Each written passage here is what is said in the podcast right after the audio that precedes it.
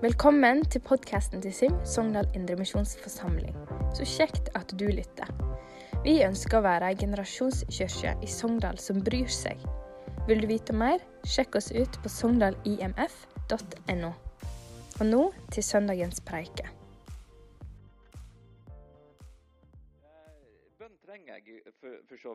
Kanskje litt mer i dag. Fordi at eh, jeg skal ta opp et tema som jeg har talt om før. Jeg sa til Jan Ingar og Tom at jeg husker at jeg talte om dette her på Gildehuset. Er det noen som husker Gildehuset? Så det, det begynner jo å bli en stund siden. da. Eh, og jeg liker ikke å resirkulere sånn her, eh, for da tenker jeg mm, Er du lat nå? Gidder ikke du å, å, å ta jobben med å skrive en tale? Men jeg tror jeg har fått ro for det, og jeg tror òg det passer inn i denne her eh, neste etappe eh, som Sim er med i. At, eh, hvor, hvor, går vi hen eh, som forsamling? Hva er, det, hva er det neste steget som, som, er naturlig for Sim som en for, eh, forsamling? Uh, og, og, I sånne prosesser så er det ofte at uh, han snakker om litt sånne tekniske ting om altså, taler og møter. Skal vi ha alle sammen? Skal vi dele opp? Skal vi, altså, alt sånt. Og så blir det litt sånn omliggende diskusjon. og så er det ofte det at vi, vi henger oss opp i det istedenfor hva, er hva er det vi driver på med? Altså, er, hvorfor driver vi på med det vi driver på med? Så jeg skal ta utgangspunkt i eh, når Jesus sier at vi skal dra over på den andre sida. Og det har litt med altså, hva, er, hva er greia med, med, Israel, med Bibelen, med forsamlingen? Hva, altså, hele denne uh, overskrifta hvorfor vi, vi, driver på med det vi driver på med. Og Da skal jeg gå langt tilbake i tid. Uh, vi skal gå tilbake til første Mosebok, kapittel 12. Fordi at uh, Hvis vi ser for oss at Bibelen er på en måte ei bok, ikke 66 bøker, men ei bok, uh, skrevet på tre kontinent, uh, skrevet på tre språk, en samling på en måte av over 1500 år, så er hele Bibelen livet med Gud. Altså hva er velsignelsen med Gud? Og Den historien den starta i kapittel 12 i Moseboka. For der står det Der står det at Gud kommer til en mann som heter Abraham, og så sier Gud Jeg vil gjøre deg til en mektig nasjon, og jeg vil velsigne deg, og jeg vil gjøre navnet ditt stort, og du skal bli en velsignelse for alle mennesker på jord. Det er litt sånn oppsummering. Så alle nasjoner, alle folkeslag, alle stammer, litt uavhengig av hvilken oversetning du leser, skal bli velsigna gjennom deg, Abraham. Og, og, det er jo en kjempeløfte. Og Du kan prøve å sette deg inn i Abraham sine sko eller sandaler på den tida. At når, når Gud dukker opp og, og sier det at 'jeg vil velsigne deg', og du skal bli en velsignelse til alle rundt deg. Gjennom deg så skal min velsignelse nå alle folkeslag. Og så kommer jo denne her velsignelsen med en pris. for Hvis vi hopper tilbake til første verset i, i den kapittelet, der, så sier Gud til Abraham Jeg vil at du skal forlate ditt land, ditt folk, huset hos far din, og jeg vil at du skal gå til et land som jeg skal vise deg. Og Det høres litt uklart ut, gjør ikke det? Du skal flytte ut av landet ditt, og så skal du gå til et land som jeg skal vise deg. Det er litt sånn her eh, Når du laster unger og eh, hele pakka opp i eh, bilen og skal til, på ferie, og så begynner de før du har kommet to kilometer ut i veien, så, så sier jeg er vi der snart. I dette tilfellet så kunne Abraham da, han hadde jo kameler og alt mulig tjenere. og så, kunne det mase fra alle. Så kunne Abraham trygt si har ikke peiling. Jeg vet ikke når vi er der. Jeg har bare fått beskjed om at jeg skal starte, jeg, eh, men veit ikke når vi skal gå. Veit ikke når vi kommer fram. Og denne lydigheten til Abraham fordi at det neste verset, i vers 4, så er det et ord som alle jødiske gutter vet en dag i dag. Vayalach aram. og Abraham tok ut. Han var, for Andreas tok jeg med til og med den hebraiske eh, skrivemåten der. Eh, ser det så noenlunde greit ut? Ja? Jeg begynte iallfall på, på feil side, sånn, eller på riktig side. litt sånn det eneste jeg kan på hebraisk, så derfor kunne jeg liksom skryte litt av det. da. Så Abraham han drar, og selv om både han og kona er gamle og ufruktbare, så får de en sønn som de kaller Isak. Og Isak han får to sønner. Den ene kaller han Jakob. Og Jakob han fikk tolv sønner, som ble de tolv stammene, eller stammefedrene av Israel sine tolv stammer. Og resten av den boka som vi kaller Bibelen, den handler om hvordan Gud velsigna disse tolv stammene, hvordan uh, velsigner Israel. Og Så mange år seinere kommer Jesus inn i denne historien som menneskelig skikkelse. Og da, har, da, da står ikke det så veldig godt til med disse tolv stammene. De er okkupert på den tida av ei stormakt som heter Rom. Og det ser ganske mørkt ut. Det er ingen Nato, det er ingen allierte som kan komme til Israels unnsetning. Og denne her, Det løftet som Abraham fikk, 'Jeg skal gjøre deg til en stor nasjon', den ser ganske mørk ut.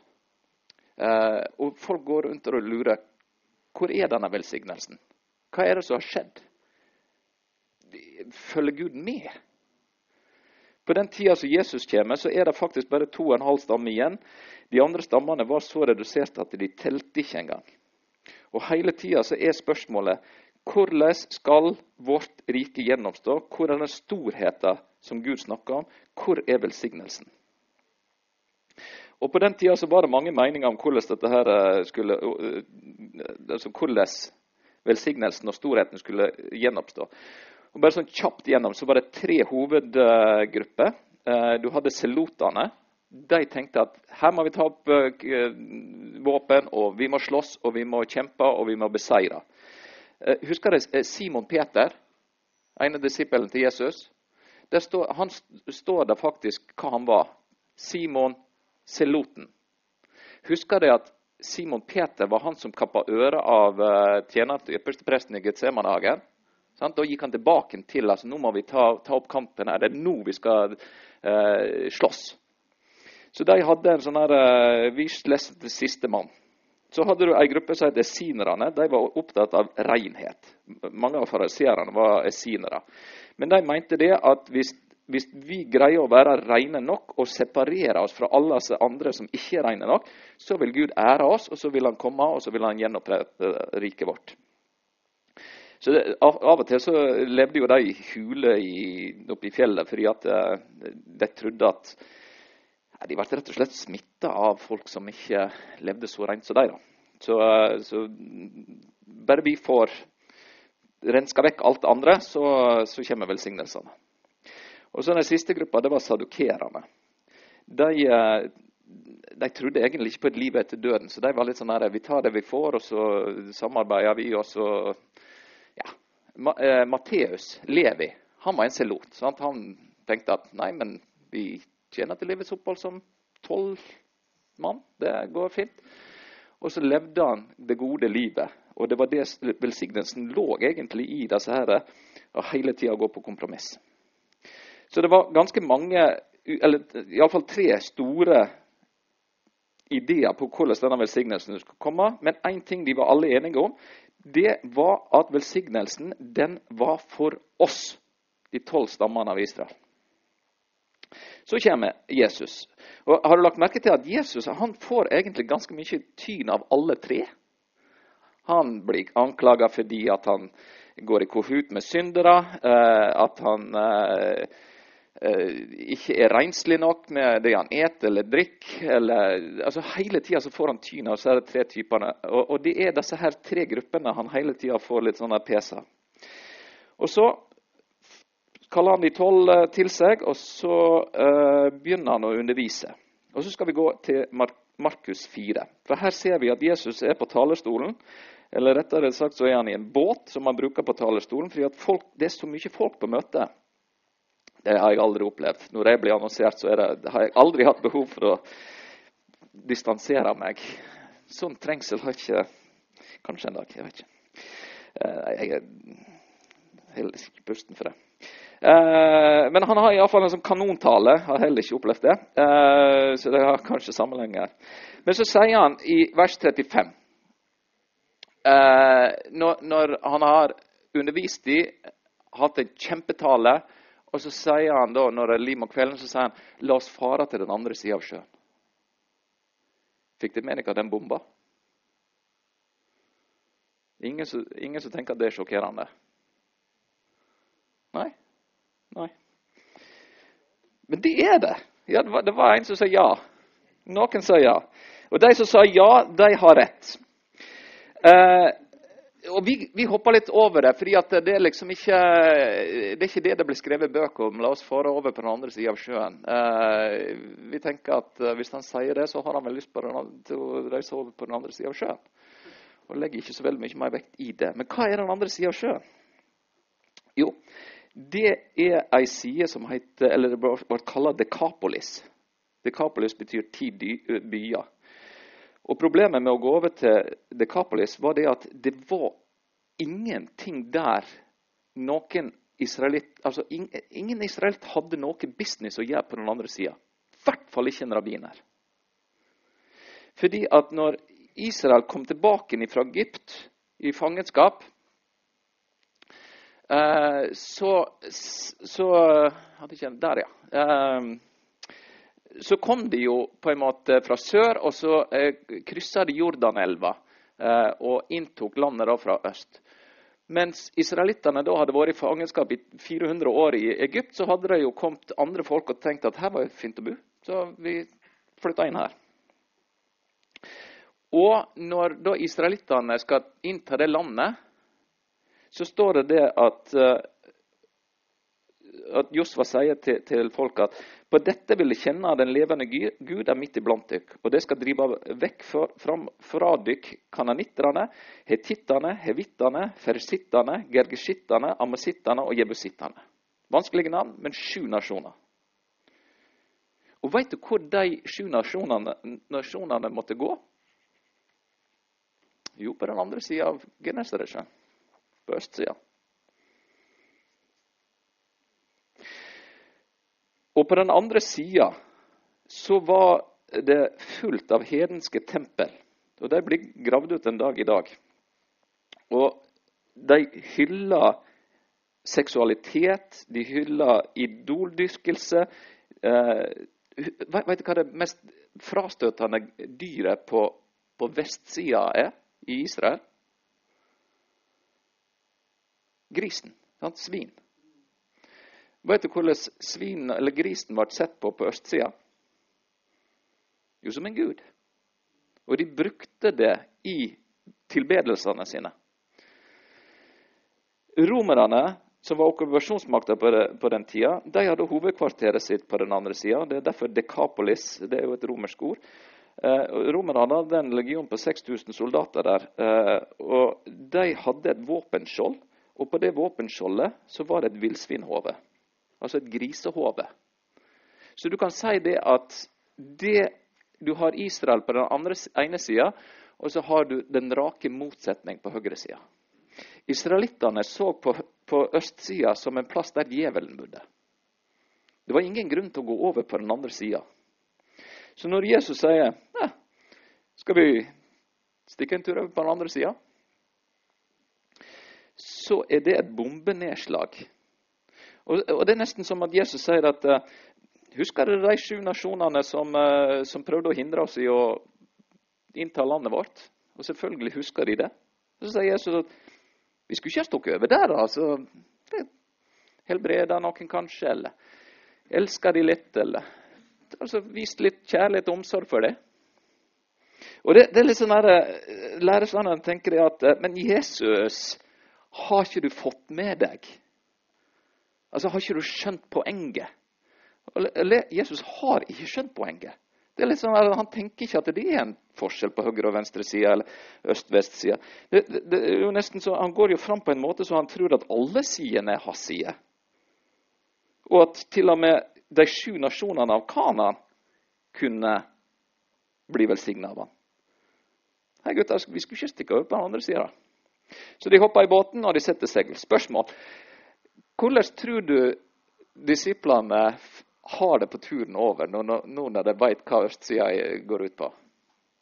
Det er liksom ikke livets glade gutter som plystrer og tenker at yes, nå skal vi over på den andre sida. De er livredde. Halvveis over så opplever de at eh, de kjører rett inn i en storm, og det er ikke noe stor eh, overraskelse, fordi at uh, myta gikk at de på østsida de hadde krefter over vind og sjø. Og dette hadde de jo da sendt for å stoppe Jesus og gjengen over. Og Jeg har alltid tykt det var så ironisk, fordi at mange av Jesus sine læresveiner de var egentlig sjømenn. De var fiskere. Så de er livredde. Husker dere hva Jesus driver på med? Han sover. Ja, ligger i båten og slapper litt av. Men Jesus, er ikke du redd for at vi skal gå ned? Og så liksom, kikker han over ripa og så Nei, ikke noe spesielt. Ja, men Jesus, skal ikke du hjelpe oss, da? Så, OK, vær stille. Og så stopper hele Og læresveinene er forbløffa. Og så kommer vi i Markus 5. Der kan vi lese hva som skjer når, når eh, de kommer over på den andre sida. På, på vestsida husker dere, der var det så stor trengsel at Jesus måtte hoppe i en båt for å få litt avstand, så at han ikke ble klemt i hjel. Husker dere hva som møtte ham på østsida? Én mann. Og ikke bare det, men, men den mannen er til og med besatt. Han er utstøtt. Han er ikke med i samfunnet. Altså, De har prøvd å binde han fast med, med lenke. Det funka jo ikke. Han kutta seg til blods på steiner. Han har ingen venner, han har ingen familie. Han har ingenting der å, mer å gjøre. Han bor i gravkammer. Så når han da kommer, eller Jesus og gjengen kommer, så er det kun denne mannen som møtte opp på den andre sida. Og, det er litt sånn her, eh, Har du, har du uh, hatt noen sånne her, Det kunne jeg ha skrudd tida tilbake og fått opplevd en gang til. Altså, tenk å, å fått vært litt sånn flue i båten når, når, de kom. For der, altså, der står da Jesus, og så kommer det en mann med lenke hengende fra armer. og Han har sikkert ikke sett såpe eller vann på mange dager. Og så kommer han springende. Og jeg ser for meg at alle tolv sto i enkel linje bak Jesus. bare litt sånn her, Hvis han ikke stopper, så ta, ta, for, for Jesus. Det var hans idé å komme hit til det her utgangspunktet. Han får ta det. Og Så roper man, 'Hva har du med meg å gjøre, Jesus, du den høyeste Guds sønn?' 'Jeg ber deg at du ikke må pine meg.' Og så beordrer Jesus disse demonene ut av han og inn i en griseflokk. Og de springer rett utfor stupet. Og gjeterne de springer tilbake i landsbyen, og så forteller de hva de har sett. Og summa summarum, det det, det, når de forteller det, så sier de at de begynte å bønnfalle han om å dra vekk fra bygdene deres. Hadde dette skjedd på vestsida, så hadde det jo vært vekkelsesmøte. Sant? De hadde jo satt opp et tempel, og det var litt sånn her, her må vi eh, tilbe Gud. Men her er det litt sånn her, ja, vi ser at han som har bodd i gravhullene i så lang tid, nå er med sine fulle fem. Han er frisk. Så konklusjonen er Jesus, vi vil at du skal dra. Litt rart. Og Jesus er lydig. Han hopper opp i båten, og så, så skal han til å seile videre. og så han fyren her, og han sier jo at kunne jeg få blitt med deg, Jesus? Altså, det har liksom ikke Mine muligheter her er brent. Eh, det er ingen som Jeg kommer, ingen, kommer ikke til å få Facebook-venner. for altså Ingenting. Kan, kan, jeg få bli med deg? Og så sier Jesus, som fram til nå har sagt 'Kom, følg meg', kom, følg meg, eh, sier han nei, du får ikke. Du får ikke bli med meg. Du jeg vil at du skal være her, og så skal du gå hjem til dine egne, og så skal du fortelle om hva som har skjedd med deg.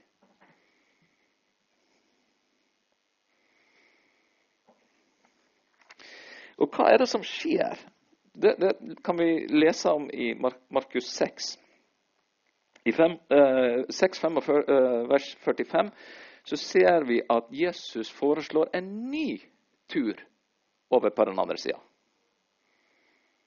Og Det kjenner sikkert historien. Han sier det må eh, vi sender folk av gårde, og så eh, reiser de i forveien. Og så går Jesus sjøl opp i fjella for å be. Og De kjenner denne historien videre. Eh, midt ute på sjøen så kommer Jesus gående på vannet denne gangen. Eh, og, og, Peter får en tur på, på vannet, og alt det der, og så hopper de begge to opp i båten og så kjører de, ror de over på andre sida. Hvordan tror du det blir mottatt denne gangen? Sist gang så var det én mann. Husker dere hva som skjer nå? Nå blir de møtt av en folkemasse. Folk sprang omkring i hele nabolaget. 'Jesus er her!' Jesus, Husker det han som var, kom over fra den andre sida og helbredet? Og de bærer sjuke fram for Jesus. Litt annerledes enn sist gang. Og hva er det som har skjedd? Jo, Jesus kom med de gode nyhetene. Han trodde på Gud når Gud sa til Abraham at han skulle bli velsigna, og at hele verden skal bli velsigna gjennom han. Israelsfolket likte første del veldig godt. Vi skal bli velsigna. Ja takk. Og så var det der å gi velsignelsen videre som var litt sånn herre De har gjort seg helt fortjent til det, altså. Og nå er det på ingen måte sånn at Guds menighet har tatt Israel sin plass i Det nye testamentet, men vi har fått samme oppdraget. Vi skal få velsignelsen, sånn at vi kan velsigne videre.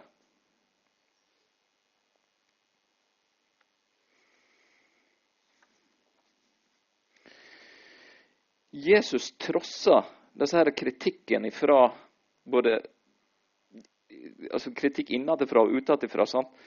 Nei, nå reiser han jammen over på den andre sida igjen. Altså. Det var det jeg visste. Han er ikke, han er ikke en, det er ingen rabbiner som kan gjøre det. Ingen gode kristne kan være der. Eh, hvis du gjør det, eh, så er du nok ikke en god kristen. Men siden Jesus ikke helt hadde fått med seg at velsignelsen kun var for noen og ikke for alle, så reiste han over, og han fikk hjelp én mann. Og istedenfor å ta denne mannen med seg, så blir den mannen værende igjen som et vitnesbyrd. Og, og, det fine er jo at han trengte jo ikke si noe. Sant? Han trengte ikke 'bli med på møte'. Han kunne jo bare gå rundt og opp og ned gaten. han. Det er vanskelig å argumentere for et sånt vitnesbyrd der du har bodd i hule i flere år og kutta deg, og du blir lenka fast, og så plutselig så sitter du der med de fulle fem. Han trengte ikke åpne munnen. Når Jesus gikk over og var lydig og brakte velsignelsen over, så fører det til det der. En kjemperespons. Og Det er litt sånn interessant fordi at uh, Pga. at Jesus da får et bruhove inn på, på den andre sida, så så skjer det et eller annet på den andre sida. Men det som er litt sånn trist, er det at det, var, det skjedde ikke så veldig mye på vestsida, den riktige sida. Fordi i Markus så er det to brødunder. Har du lagt merke til det? Jesus metter 5000 og 4000. Uh, jeg tenkte at det her er jo litt sånn repetisjon og litt sånn en annen vinkel på uh, Så jeg har i mange år tenkt at dette er én og samme ting. Eh, det er ett brødunder i Markus 6, og så er det ett brødunder i Markus 8. Så la oss ta det i Markus 6 først. Der underviser Jesus læresveinene sine, eh, og han taler til folket. og Så kommer læresveinene til han og sier at eh, folk er sultne. Du må, du må sende dem av gårde, sånn at de kan få, få kjøpt seg mat. Og Så sier Jesus nei, nei, det skal få, uh, gi dem mat. Og så øh, spør jeg hvordan skal vi gjøre det.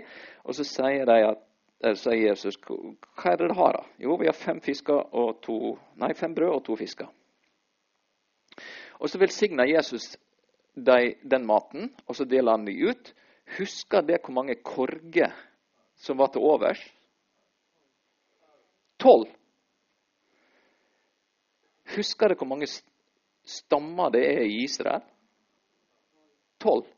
Så når Jesus lager for mye mat, og det er nøyaktig tolv korger over, hva slags signal er det Jesus sender til Israel? Jo, jeg elsker dere. Det ser ut som at det er bare to og en halv stamme, men jeg har kontroll på dere. Det er mine, og jeg elsker dere. Og velsignelsen som min far ga til dere gjennom Abraham, den gjelder. Så kjører Jesus fram og tilbake, igjen, og så er vi i Markus 8. Og så underviser, Hvis du leser dette nøye, så, så ser du at um, Jesus underviser dag 1. Læresveinene sier ingenting. Jesus underviser dag 2. Læresveinene sier ingenting. Jesus underviser dag 3. Og læresveinene sier ingenting. De kommer ikke fram til Jesus og sier du må sende dem fra deg, de er sultne her. De må... Lærersveinene sier ingen verdens ting. Og så sier Jesus det skal fø dem. Og så velsigner Jesus maten, og så deler de ut, og alle ble mette. Og hvor mange korger er til overs da? Sju. Hvor mange nasjoner var det i Kana? Sju. Så hva er det Jesus sier? Husker du denne velsignelsen som pappaen min ga stamfaren deres Abraham? Når han sier det at det skal få velsignelsen, og det skal gi velsignelsen videre. Jeg har full kontroll på de sju nasjonene Kana. Jeg elsker dem. Jeg vil velsigne dem. Og hvis det er så treige i nøtta at det ikke greier det sjøl, så skal jeg gjøre det gjennom dere. Og så velsigner han, og så er det sju korger overs. Jeg velsigner dere, jeg elsker dere, det er mine. Så hvorfor møtes vi her? Jo, jeg tror ikke at Gud trenger en hel gjeng med kristne som ser på de som tenker at det å møtes her inne på en søndagsformiddag noe så bortkasta. Vi har jo forskning og vitenskap nå som kan forklare alt. Og dermed så må vi separere oss vekk. Ikke ha noe med dem å gjøre. Hold deg for deg sjøl. Ikke vær venner med dem. Altså, esinere. Vær reine. Ikke bli smitta. Jeg tror ikke Gud trenger simmere som driver på sånn. Jeg tror ikke Gud trenger simmere som eh, eh, tenker at eh, vi tar litt av det og vi litt av det og vi, det gode liv og går nå, går nå på sånn jul over påske og sånn innimellom, sånn at vi oppfyller minstekravene. Men, men, ellers så er det egentlig disse her Og jeg tror heller ikke at Gud trenger noen sånne militante Vi skal jeg skal bruke Facebook til å slå i hjel alle som ikke mener det som jeg mener. Det jeg tror Gud trenger, det er simmere som kan gi velsignelsen videre. Jeg tror at du sitter her inne fordi at Gud vil velsigne deg. Og Grunnen til at Gud vil velsigne deg, er det at han vil at du skal gi velsignelsen videre. At du tør å dra over på den andre sida og være en velsignelse. Det tror jeg, uansett hvilken form, farge og fasong neste steg i SIM er, så tenker jeg at det er hovedoppgaven for SIM som menighet, som forsamling, og det er hovedoppgaven for alle oss som har mottatt Guds velsignelse. Gi det videre. Kjære himmelske Far. Jeg takker deg fordi at uh, det, var, det var, sånn som eh, Nils sa tidligere i dag, at nåde altså det er litt sånn her Det er egentlig fordi. Det er ikke noen god grunn til nåde. Det, nåde er gratis. Og du har vært nådig mot alle oss her inne. Gi oss visdom og styrke og mot til å gi den nåden og velsignelsen videre. La oss prøve å identifisere hvem er det som er der på den andre sida og istedenfor å, å irritere oss eller trekke oss unna eller gå i kohutt med dem, Så la oss heller få lov til å være litt stille og tenke hvordan kan vi velsigne dem? Og for å klare det så trenger vi enda mer av din nåde og din visdom. Og det ber jeg om i Jesu navn. Amen.